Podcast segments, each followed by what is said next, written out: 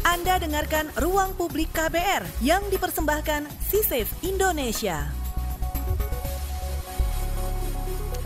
Halo selamat pagi para pendengar di mana pun Anda berada. Senang sekali saya Suara Madinah hadir menjumpai Anda pagi ini di ruang publik KBR yang dipersembahkan oleh CISEF Indonesia. Tema kita selama satu jam ke depan akan membahas terkait tantangan dalam reintegrasi ex-napiter dan orang yang terpapar paham radikal terorisme. Saudara memang aksi teror tak hanya meninggalkan trauma atas para korbannya saja. Para pelaku dan keluarga pun uh, nampaknya mengalami tekanan hingga penolakan karena stigma negatif yang terbangun di masyarakat. Padahal kalau kita lihat tak sedikit ya mantan teroris yang insaf dan berniat kembali pada kehidupannya di tengah keluarga dan masyarakat.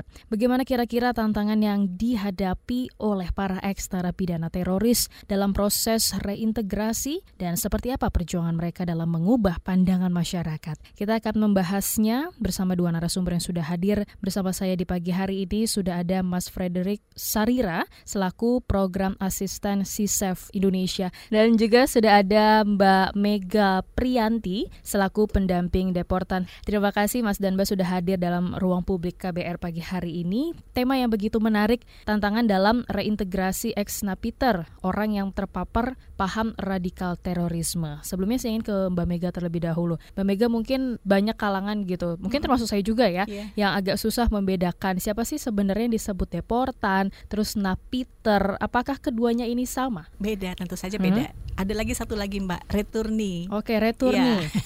boleh Jadi, boleh nih. Kalau napiter itu kan sebenarnya orang-orang yang terpapar paham radikalisme, kemudian bergabung dengan jaringan terorisme, lalu melakukan pelanggaran hukum, kemudian menjadi warga binaan atau di lapas lah ya, hmm. nah, seperti itu. Nah, sedangkan kalau deportan itu WNI yang memang mau bergabung dengan ISIS, misalnya berniat masuk ke Suriah, masuk ke Suriah, kemudian lebih karena termakan propaganda propaganda ISIS sebenarnya, tapi mereka belum sempat masuk jadi masih di perbatasan, misalnya di Turki, kemudian ditangkap, lalu dikembalikan ke Indonesia. Oke, berarti Oke, itu belum masuk ke Suriah belum, gitu ya? Belum, uh, itu sudah, deportan. Deportan. Sedangkan hmm. returni adalah orang-orang yang sudah sampai ke Suriah. Tapi harus juga jelas bahwa sebenarnya mereka bergabung ke ISIS itu tidak satu keinginan, maksudnya beda-beda ya. Ada juga misalnya termakan propaganda bahwa di sana itu akan mendapatkan kehidupan kesejahteraan ekonomi hmm. atau akan mendapatkan uh, pengobatan yang baik untuk anak-anaknya dan sebagainya. Jadi tujuannya itu beda-beda. Kita tidak bisa menyamakan semua. Dengan tiga hal ini cara penanganan. Nah, ini kan selaku hmm. pendamping tiga-tiganya ya. Berarti tidak yeah. hanya deportan ya, Mbak yeah, ya. Yeah. Tiga-tiga uh, tiga-tiganya ini bagaimana sih cara penanganannya yang dilakukan? Uh, sebenarnya gini, Mbak. Kan uh, mereka ini sebelum ke reintegrasi sosial itu kan mereka direhabilitasi dulu direhab ya. Mm-hmm. Nah pada saat direhab mereka tuh uh, ada akan ada klaster-klaster nih paparannya seperti apa, tingkat paparannya seperti apa. Kalau memang yang sudah siap untuk didampingi itu proses reintegrasi sosial itu akan dikembalikan ke masyarakat gitu ya. Pasti proses pendampingannya pertama kita mengadakan pendekatan, melihat juga kebutuhannya apa. Kebetulan saya ini kan mendampingi lebih banyak keluarga, Mbak. Jadi biasanya kan kalau orang-orang yang memang sudah jelas terpapar kemudian kena ada kasus hukumnya dia akan masuk ke lapas. Nah, bagaimana dengan keluarganya? Bagaimana dengan anak-anaknya, istrinya? Artinya kan ini jadi beban buat mereka mencari nafkah, mengurusi anak dan sebagainya. Oke. Okay. Nah, sekarang saya juga ingin ke Mas Freddy. Mas Freddy ini eh, selaku dari perwakilan CISEF Indonesia. Ini kalau terkait dengan ex napiter dan orang yang terpapar paham radikal gitu. Pemerintah kan memang sudah mengeluarkan kebijakan, ya, kebijakan benar. yang uh, nampaknya semakin menjadi hal yang patut atau apa ya, wajib lah gitu yeah. ditekankan ya. Nah, bagaimana sih tanggapan dari Mas Freddy terkait dengan kebijakan tersebut? Apakah memang seperti apa tingkat kepuasan hal itu?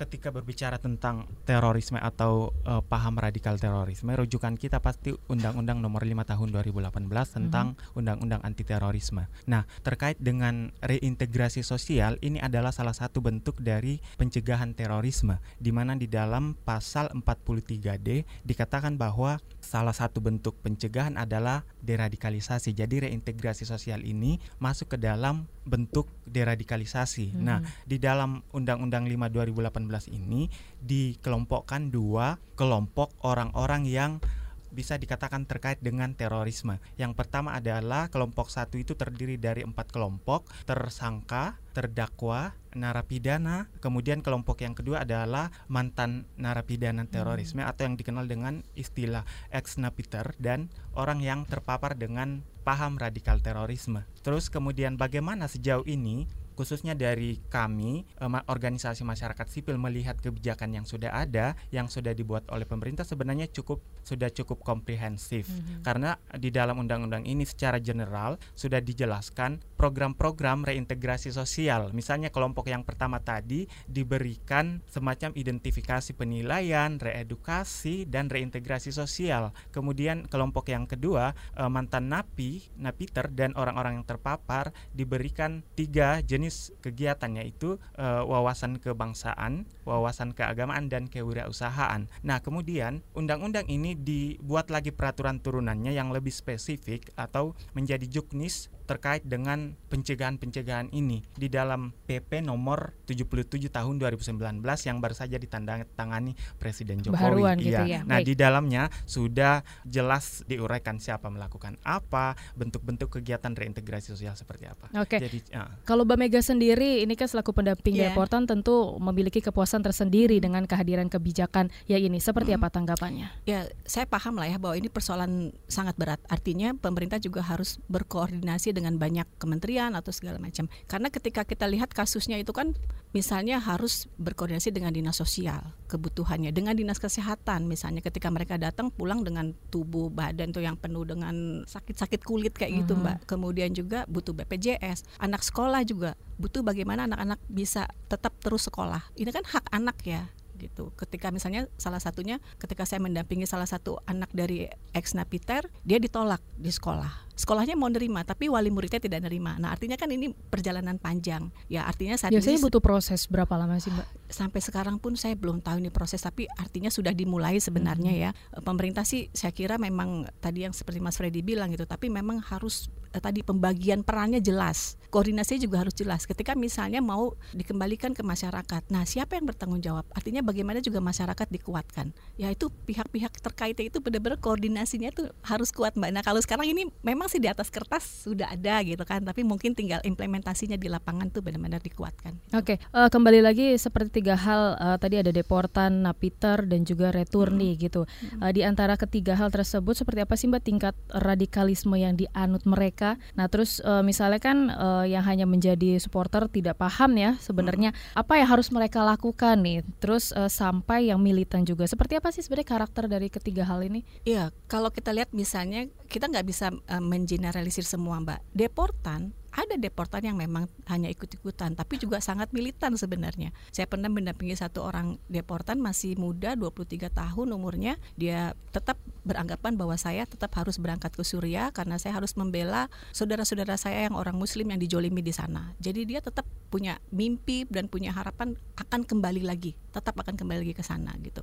Tapi ada juga yang returni yang sudah masuk ke Suriah, dia tidak berniat untuk bergabung dengan ISIS untuk perang. Tapi, tapi sudah pulang ya kembali ya kembali. Hmm. Ketika dia sampai ke sana itu karena dia dapat propaganda. Kebetulan ibu ini punya anak yang berkebutuhan khusus, anak-anaknya dua-duanya autis. Waktu itu dia dapat uh, berita atau ada propaganda bahwa di sana ada pengobatan anak-anak autis bisa sembuh total. Hmm. Itu kan membuat dia, oh saya harus berangkat ke sana gitu. Ada juga seorang istri misalnya yang karena rindu sama suaminya, suaminya udah berangkat duluan, dia harus ke sana. Jadi memang nggak bisa dilihat satu-satu. Jadi kita bisa tahu itu ketika tadi ada pada saat proses di rehab itu kan ada assessment bagaimana bagaimana sebenarnya tingkat terpaparnya seperti apa gitu mbak. Oke, nah e, kalau dari CISEF sendiri rekomendasi apa sih yang biasanya ditawarkan oleh CISEF gitu terkait dengan ex Peter dan juga orang yang terpapar paham radikalisme ini? Iya, dari kami merekomendasikan penanganan yang komprehensif buat mm -hmm. ex napiter dan deportan atau returni ini. Seperti? Karena ya, seperti pendampingan di komunitas karena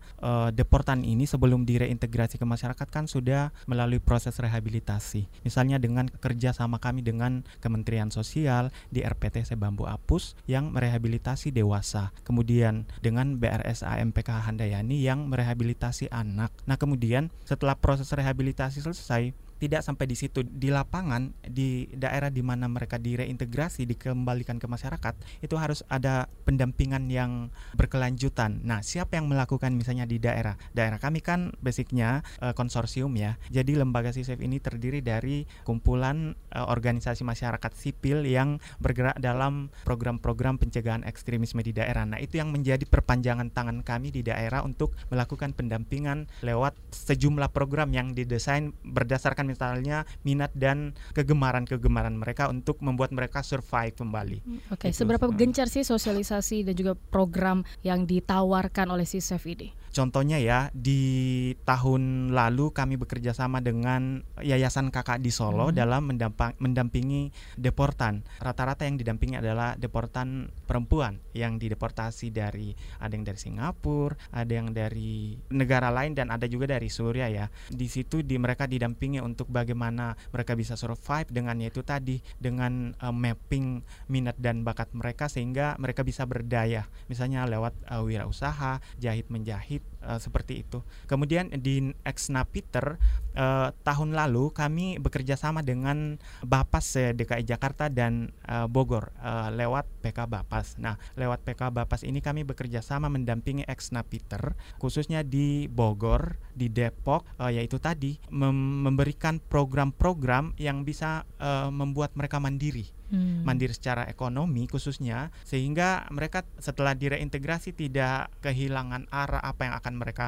lakukan kemudian di samping itu juga kami intens untuk uh, mengedukasi komunitas okay. untuk ada menerima hmm. mereka kembali ada juga nggak sih seperti mengedukasi mereka kan kalau deportan kan tadi disampaikan belum sampai ke sana hmm. gitu ya berarti hmm. kan tapi di awal ibu menyampaikan tadi uh, sudah punya tujuan masing-masing yeah. nah pada saat proses itu tadi seperti program pemaparan gitu yang yeah. dilakukan oleh CISEF disampaikan juga nggak sih kalau sebenarnya itu hanya ibarat kata tuh PHP aja gitu loh di sana gitu. Karena mereka kan belum berangkat nih iya. bisa dikatakan seperti itu. Sangat karena hmm. dalam beberapa kegiatan kami kami langsung menghadirkan uh, mereka yang berangkat yang sudah pernah ya. Iya, hmm. jadi returni, ya ya returni returni itu khususnya deportan kalau deportan kan rata-rata berasal dari luar Jakarta ya. Jadi yang kami jadikan sebagai amplifier untuk menyerukan pesan-pesan bahwa propaganda-propaganda ISIS atau kelompok-kelompok radikal terorisme lainnya tidak sesuai dengan kenyataan yang mereka dapat dapatkan di sana. Baik, hmm. si Chef ini begitu gencar gitu untuk melakukan pendampingan ya. dan tadi juga banyak sekali kerjasama dengan uh, yang lainnya gitu. Ini bisa dikatakan pemerintah dinilai tidak cukup memberi pendampingan kah kepada mereka? Oh,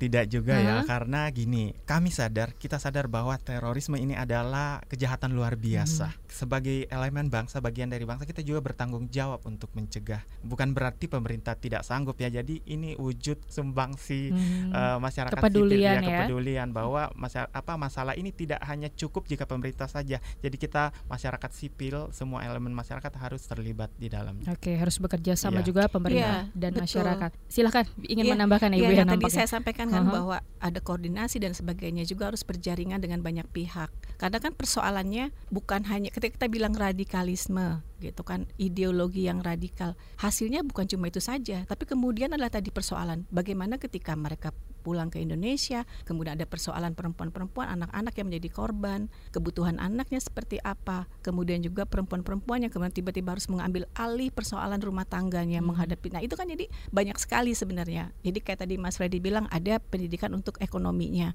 Harus kerjasama dengan siapa? Oh kalau di DKI ada BLK misalnya. Kemudian juga kerjasama dengan dinas kesehatan ketika mereka mereka butuh BPJS, ketika okay. mereka butuh kesehatan dan sebagainya. Baik, nanti kan kita lanjutkan kembali terkait dengan tema kita di pagi hari ini dan ruang publik KBR masih akan berlanjut.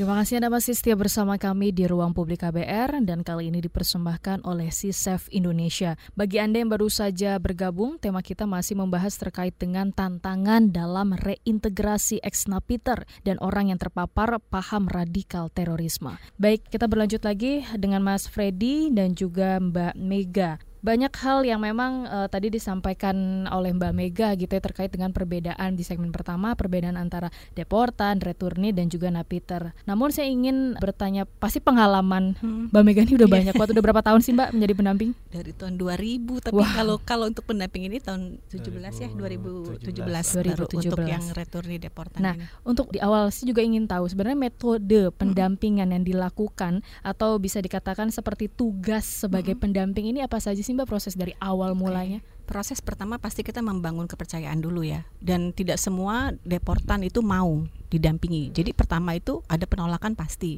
Nah, kita harus mencari jalan bagaimana caranya supaya kita tetap bisa masuk karena kan ini bagian dari tugas ya untuk melakukan proses reintegrasi. Nah, akhirnya misalnya kita lewat siapa? Oh, lewat istrinya mungkin kalau untuk yang perempuan yang laki-laki ya, misalnya seperti itu. Jadi bagaimana kita membangun kepercayaan dulu. Walaupun sebenarnya ketika proses uh, rehabilitasi mereka itu sudah sudah apa berjanji untuk melakukan proses reintegrasi. Sudah hmm. ada perjanjian seperti itu pada saat rehabilitasi. Nah, tapi pada saat di lapangan ada juga yang menolak gitu kan. Nah, tapi apa alasan mereka menolak? Ya memang saya tidak nggak bermasalah kok. Saya hmm. tidak bermasalah dengan hukum. Buat apa saya didampingi? Nggak ada persoalan dengan saya. Saya udah selesai urusannya dengan proses uh, tentang radikalisme gitu misalnya ya. Biasanya menolak ini dari tiga hal ini siapa? Deportan kebanyakan. Oh. Deportan. Belum berangkat Deportan. gitu ya. Belum belum melihat keadaan kalau, kali ya. Kalau Napiter kan sebenarnya ya mereka udah pasti ada didampingi oleh Bapas hmm. ya kan. Hmm. Kalau returni mereka sudah ke Suriah dan ternyata benar mereka dibohong dibohongi lah ya termakan propaganda. Nah deportan ini memang masih punya mimpi mbak. Ini memang idealismenya masih tinggi, masih merasa bahwa bagian dari jihad saya adalah saya harus sampai ke sana. Jadi memang berbeda karakteristiknya.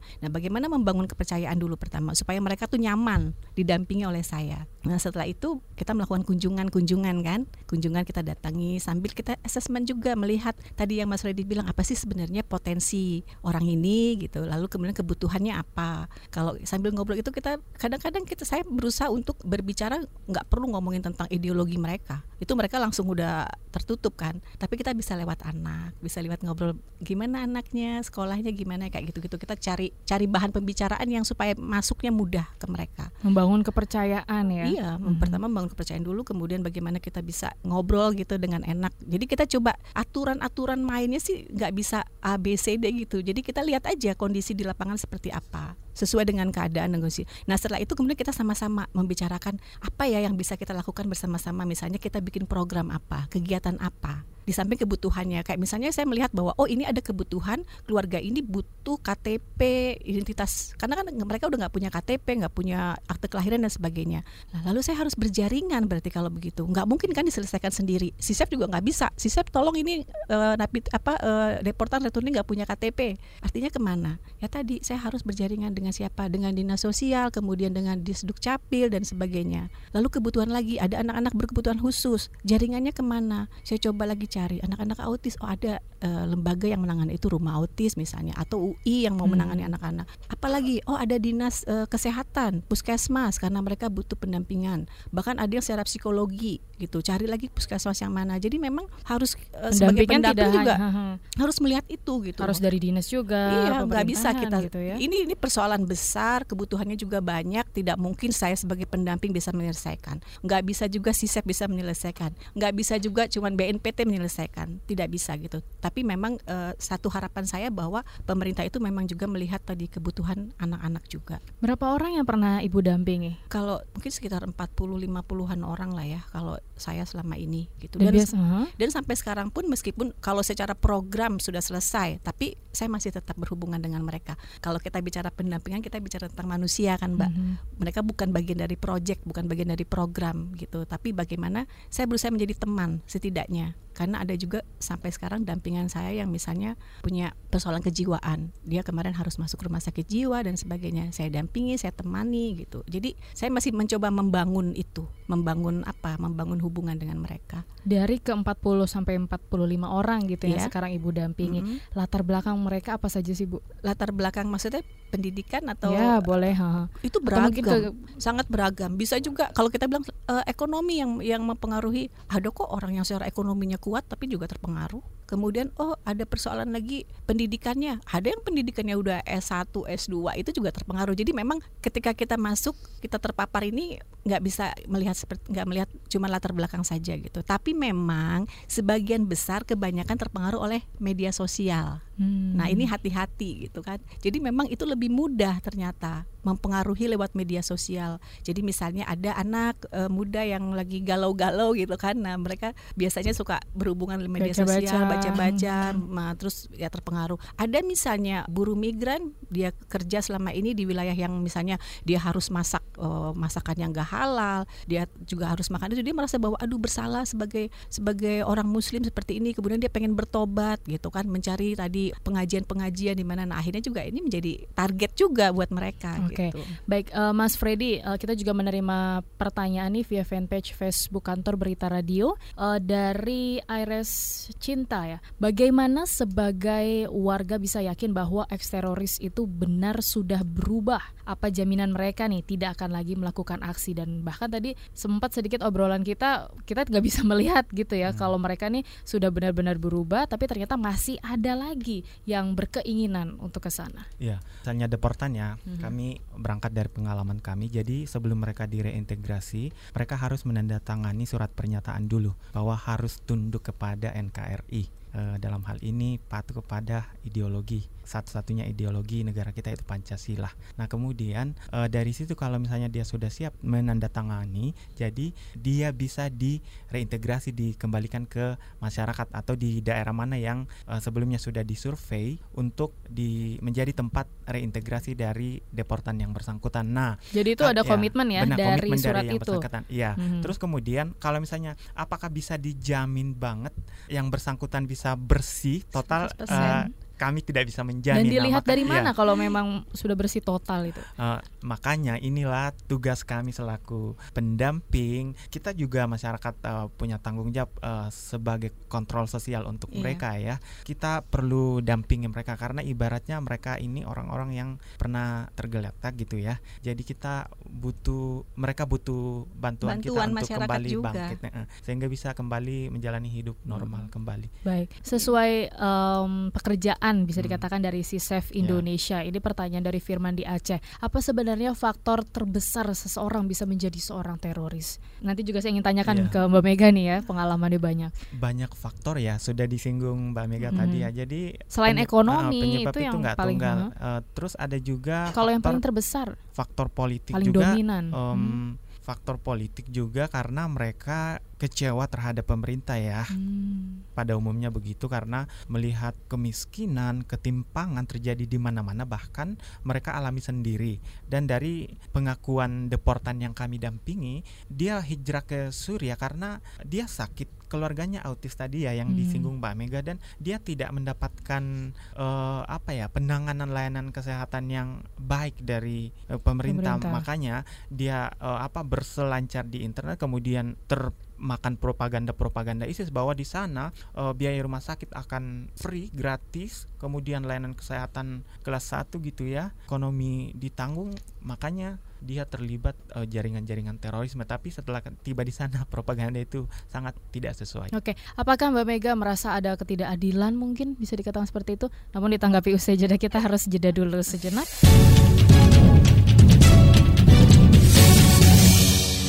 Terima kasih Anda masih setia bersama kami di Ruang Publik KBR yang dipersembahkan oleh CISEF Indonesia. Tema kita pagi hari ini tantangan dalam reintegrasi ex napiter dan orang yang terpapar paham radikal terorisme. Baik, Mbak Mega, yeah. tadi kan uh, memang ada sedikit penjelasan gitu yang disampaikan oleh Mbak eh Mas Freddy maksud saya.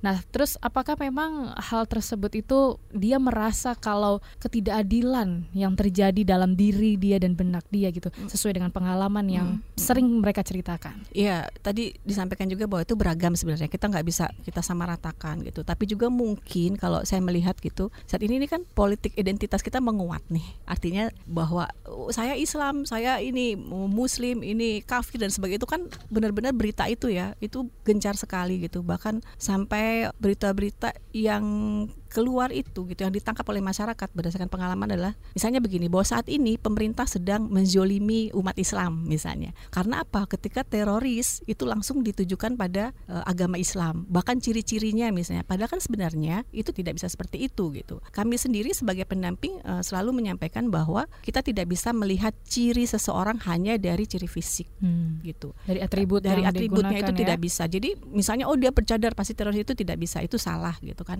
Lalu bagaimana melihat ciri-ciri tentang dia terpapar atau tidak bisa dari ideologinya. Kemudian cara berbicara juga bisa. Ca bagaimana cara uh, kemudian dia mulai menarik diri dari kegiatan sosial misalnya, yang tadinya dia aktif di masyarakat, kemudian dia nggak mau nggak mau aktif lagi. Dan kemudian salah satu yang uh, saya sempat bicara juga dengan uh, deportan, ketika misalnya dia mulai ikut ya mungkin pengajian gitu ya, okay. tapi kemudian tidak mau menerima makanan dari tetangganya yang uh, acara apa tuh 40 hari meninggal dan sebagainya hmm. kan itu bid'ah gitu. Itu jadi banyak ciri-cirinya Mbak. Tapi juga tadi berita-berita di media sosial itu sangat uh, berperan berperan Ber juga penting. Berperan penting. Baik, kita terima telepon terlebih dahulu Mas dan Mbak sudah ada Tri di Jakarta. Selamat pagi Ibu Tri. Iya, selamat pagi. Iya, silahkan Ibu. Ya, selamat pagi semuanya. Pagi uh, Iya, saya mengikuti apa yang Ibu sampaikan tadi bahwa uh, media sosial sangat punya peran ya. Saya kira mungkin uh, yang bisa dilakukan juga adalah membuat counter ya, ya untuk memberikan ya apa yang dilakukan di talk show ini satu hal yang sangat bagus tapi mungkin ini juga perlu dibawa ke media sosial bahwa uh, ada hal-hal yang harus masyarakat tahu tentang deportan. Tapi satu sisi saya juga paham apa yang dirasakan masyarakat ketika di lingkungannya ada deportan atau napiter. Saya pikir uh, prasangka itu tidak akan bisa mudah lepas juga dari masyarakat di mana ketika ada yang datang begitu. Jadi saya kira untuk memberikan pencerahan kepada masyarakat pun juga kepada napiter dan deportan itu segala upaya media begitu harus dilakukan Baik. termasuk juga uh, kepada media mainstream yang hmm. masyarakat saat ini masih percaya. Saya kira itu. Terima Baik. kasih. Terima kasih atas tanggapannya dari Ibu Tri. Memang tidak mudah ya yeah. Iya. uh, Bu Mega dan juga uh, Mas Freddy ini uh, menjadi seorang ex napiter dan juga deportan. Apalagi kalau misalnya mereka sudah yang kembali hmm. ke Indonesia terus menghadapi stigma negatif yang di apa ya disematkan kepada mereka. Biasanya stigma seperti apa sih sebenarnya juga? Stigma mungkin tadi saya mau jawab Boleh, dulu yang si Ibu Tri tadi ya Tri. bahwa sebenarnya uh, saat ini memang sudah ada kantor-kantor itu ya. Jadi teman-teman jaringan sisip juga membuat apa di media sosial itu tentang bagaimana terjadinya terpapar radikalisme, kemudian juga bagaimana caranya uh, supaya tidak seperti itu. Itu banyak ada teman-teman lewat game juga ada ya Mas Freddy ya, ya. teman-teman Pisjen ya. Itu Boleh bikin dijelaskan game. juga iya. Mas Freddy. Uh, jadi ini sebenarnya sudah diamanatkan undang-undang juga ya sama peraturan pemerintah tadi yang saya sebutkan sebagai peraturan turunan dari Undang-Undang 5 2018. Jadi salah satu pencegahan adalah kontra narasi dan kontra ideologi. Jadi kita khususnya mungkin saya kalangan ada mu, anak muda diharapkan untuk uh, misalnya membuat konten konten-konten atau story-story di media sosial yang bisa mencerahkan ya misalnya menemukan nih propaganda-propaganda yang diyakini tidak benar atau misalnya propaganda-propaganda lebih dipilah-pilah uh, ya, gitu ya. kelompok uh, radikal itu harus di counter dan ya tadi itu yang disebutkan Mbak Mega lewat games itu lewat ada apa ruang itu, obrol uh, juga ya. Ruang obrol ruang itu obrol juga kalau lewat games itu programnya Peace Generation ke, di Bandung kebetulan juga member kami. Jadi mereka ya apa ya e, mengedukasi khususnya siswa-siswa untuk belajar tentang e, bagaimana terorisme dan radikalisme dari pendekatan games gitu okay. jadi sebenarnya jelas, pendidikan uh, terkait dengan lebih, hal uh, itu juga harus diajarkan dari kecil uh, uh, ya. benar. baik kita terima telepon terlebih dahulu. Sudah ada Ibu Mary di Condet. Selamat pagi Ibu Mary Selamat pagi. Ya, silahkan Ibu. Iya, jadi saya sebenarnya mau curhat sedikit nih. Jadi di sekitaran perumahan saya itu kan ada ex napiter. Nah, sebetulnya kita gimana ya? Takut-takut gitu loh. Karena kan uh, dia habis ceritanya kan sudah sudah bebas gitu ya. Maksudnya kembali lagi ke masyarakat. Justru kita yang sebagai masyarakat tuh takut gitu. Apakah uh, bagaimana ya? Secara lebih jelasnya tuh ada nggak sih kayak jaminan untuk ngelihat kalau misalnya orang itu emang benar-benar bersih sudah bebas dari yang namanya jerat ya tau lah okay. uh, uh, brand yang kemarin-kemarin gitu baik ya terima kasih Ibu Mary sudah bergabung bersama kami nah, ini sekaligus tadi juga nih stigma apa sih sebenarnya uh, seperti hal yang negatif yang disematkan ini apalagi juga ketakutan ke masyarakat tadi balik lagi nggak ada jaminan memang di iya. awal yeah. ya bagaimana Iya Bu Mega betul stigmanya bukan cuma ke mereka gitu sebenarnya hmm. ke kita juga yang pendamping-pendamping dan ke masyarakat juga iya, yang tidak tahu apa gini kan, mereka ini udah pengkhianat gitu kan, mau udah menjadi teroris artinya udah nggak suka dengan Indonesia gitu, hmm. untuk apa diurus juga gitu. Jadi ya mendingan nggak usah diurus gitu kan. Pokoknya itu sangat lekat. Kemudian juga tadi wajar kalau misalnya tadi Bu Mary ya takut gitu. Itu pun yang saya rasakan ketika di wilayah-wilayah dampingan saya sehingga juga napiter atau deportan teritorialnya juga kadang-kadang tidak bertahan lama di satu tempat.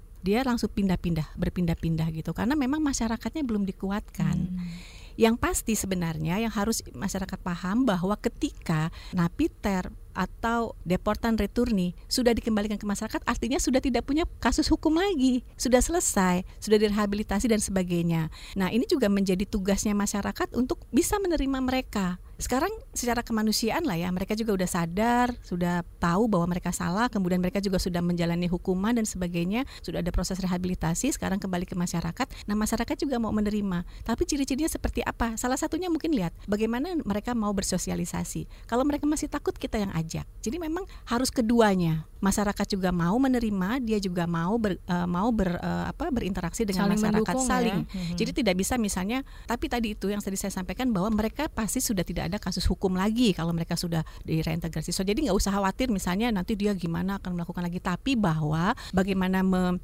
membuat mereka tidak kembali kepada jaringannya itu juga bagian dari tugasnya masyarakat juga. Kalau misalnya mereka nggak diterima, mereka kemudian merasa bahwa eh di, di masyarakat saya nggak bisa diterima, saya bisa diterima di kelompok saya yang lalu ya mereka akan kembali lagi. Itu kan Misalnya kan ketakutan, kecurigaan itu juga bisa melapor nggak sih sebenarnya masyarakat? Nah ini, ini saat ini si SAFE ini sedang membuat program hmm. namanya program uh, sistem deteksi dan penanganan dini ekstremisme kekerasan berbasis desa dan kelurahan. Kami sedang membuat itu. Kebetulan saya di wilayah Tangerang dan Tangerang Selatan begitu. Jadi kami akan membuat tim desa yang di mana tim desa akan dilatih oleh si SAFE bagaimana uh, melihat tadi ciri-ciri, kemudian juga menangani. Jadi kalau ada kasus-kasus ini nggak harus langsung dirujuk ke kepolisian dan sebagainya. Bisa jadi diselesaikan di tingkat desa Baik. lewat dialog dan musyawarah. Baik, kita terima juga ini ada pertanyaan dari Bimo di Tangerang via Facebook. Bagaimana kita harus bersikap terhadap individual yang mulai mempunyai paham radikalisme di sekitar kita? Kita ingin mencoba memperbaiki cara pandang mereka, tapi pola pikir terkadang terlalu sulit atau keras untuk diubah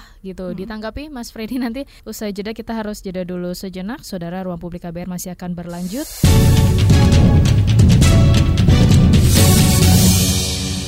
Saudara inilah bagian akhir ruang publik KBR yang dipersembahkan oleh CISEF Indonesia. Baik, tadi Mas Freddy hmm. ada pertanyaan dari Bimo di Tangerang. Nah ini kalau bagaimana kita harus bersikap terhadap individual yang mulai mempunyai paham radikalisme di sekitar kita. Ya, jadi pertama tentunya jangan dibiarkan ya, hmm. jangan dijauhi tapi dekati, kemudian cari tahu tujuan. Ya tujuannya apa? Kalau misalnya mungkin dia menjadi radikal karena pemahaman agamanya yang belok, libatkan orang orang-orang yang ahli agama gitu. Jadi jangan sendirian karena memang uh, ideologi-ideologi mereka yang sudah terpapar kuat, yang sampai juga justru kita yang dipengaruhi gitu. Hmm, nah Jadi kita yang ya, kena ke doktrin gitu ya. ya kalau kebalik. dari pengalaman kami rekomendasinya adalah libatkan orang-orang yang ahli, misalnya mungkin juga nih paham kebangsaannya nih yang uh, tidak sesuai dengan misalnya ideologi Pancasila. Jadi ya libatkan uh, orang-orang yang paham ideologi Pancasila untuk meluruskan ideologi mereka yang menyimpang gitu. Oke. Okay.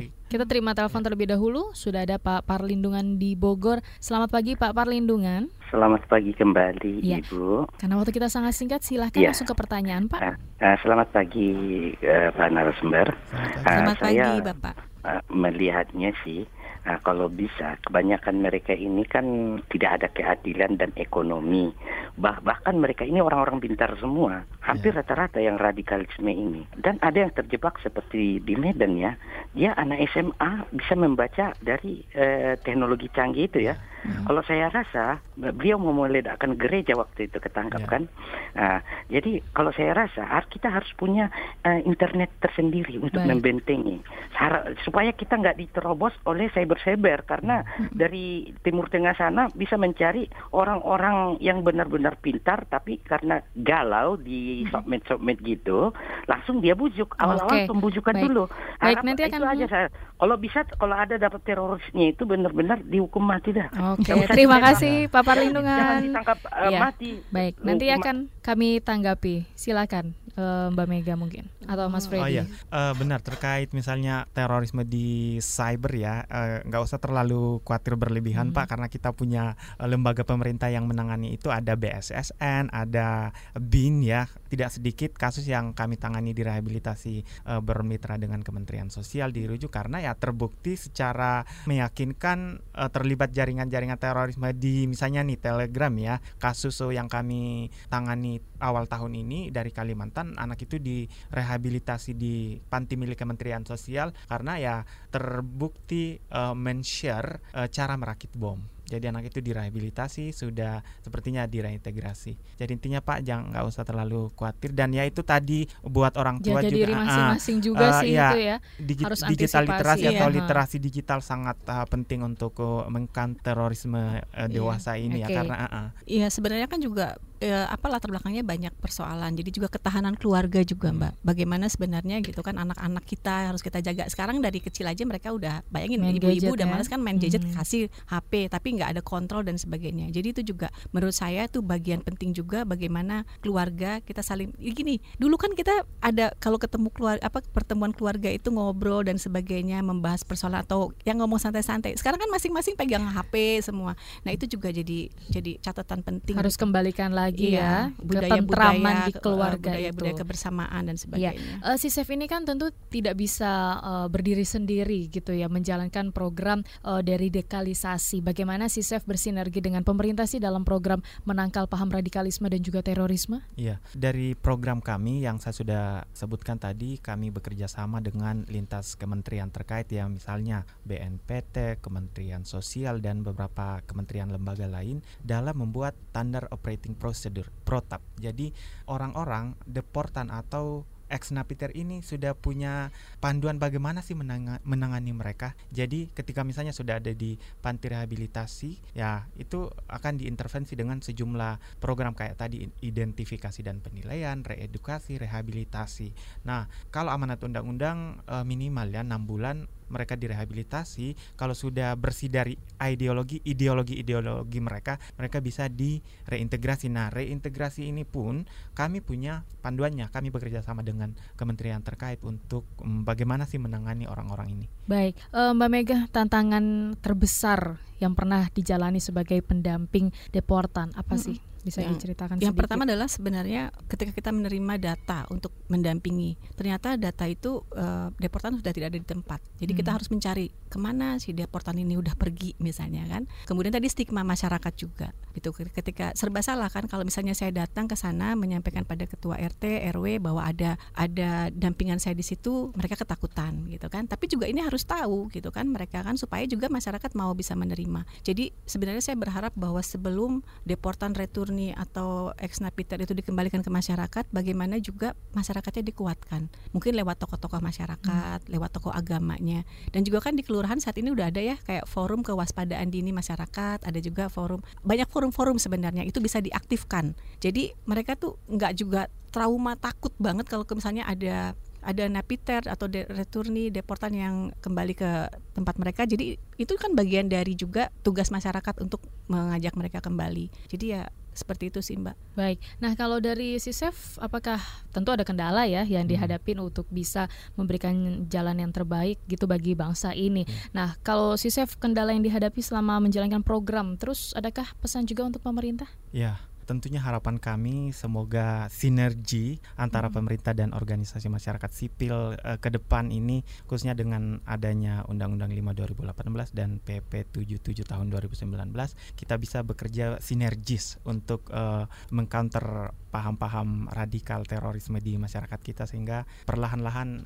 ideologi ideologi itu bisa hilang dan masyarakat kita bisa hidup normal tanpa diliputi rasa takut akan terorisme dan kekhawatiran iya, gitu ya hmm. membuang stigma yeah. negatif iya, gitulah yeah, yeah. masyarakat uh, ini uh. ya lalu uh, himbauan untuk masyarakat bagaimana Mbak Mega aduh kalau saya maunya kita nih kembali ke budaya kita yang dulu bagaimana kita saling menghargai menghormati menjaga kebersamaan gitu karena salah satu pintu pertama untuk kasus ini adalah intoleran itu adalah langkah awal ketika kita merasa bahwa saya lebih baik daripada kamu misalnya saya jadi itu ada ada persoalan merasa diri kita tuh lebih tinggi dari yang lain gitu melihat seperti itu. Jadi sebenarnya kalau kita balik lagi kita dulu punya gotong royong gitu kan.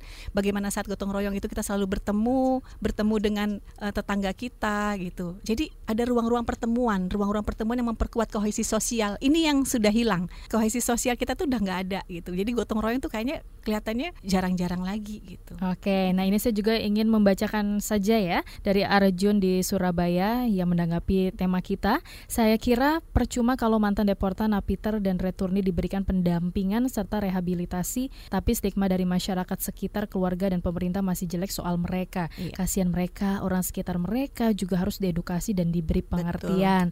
Nah, lalu juga uh, Farah di Depok, memang mantan Returni dan Napiter ini bisa menjadi pendamping bagi mantan deportir yang belum pernah ke Suriah tapi sebagai seorang yang pernah ke lokasi kan bisa membagikan pengalaman bahwa mereka dibohongi dan semacamnya. Itu yang juga dilakukan. Nah, inilah hal-hal positif yang memang harus uh, apa ya menjadi kerjasama ya. Yeah. Jadi bukan menjadi suatu ketakutan dan kekhawatiran oleh masyarakat dengan adanya deportan, returni dan juga ex napiter ini, yeah. tapi juga kita sama-sama merangkul untuk memberikan kenyamanan gitu dan kebaikan Benar. untuk negeri ini. Yeah. Terima kasih Mas Freddy Terima dan kasih. juga ya, Mbak Mega sudah hadir dalam ruang publik KBR pada pagi hari ini karena waktu sangat terbatas. Kita akhiri perbincangan kali ini. Terima kasih atas kebersamaan Anda. Saya Suara Madina undur diri. Salam. Baru saja Anda dengarkan Ruang Publik KBR yang dipersembahkan Si Safe Indonesia.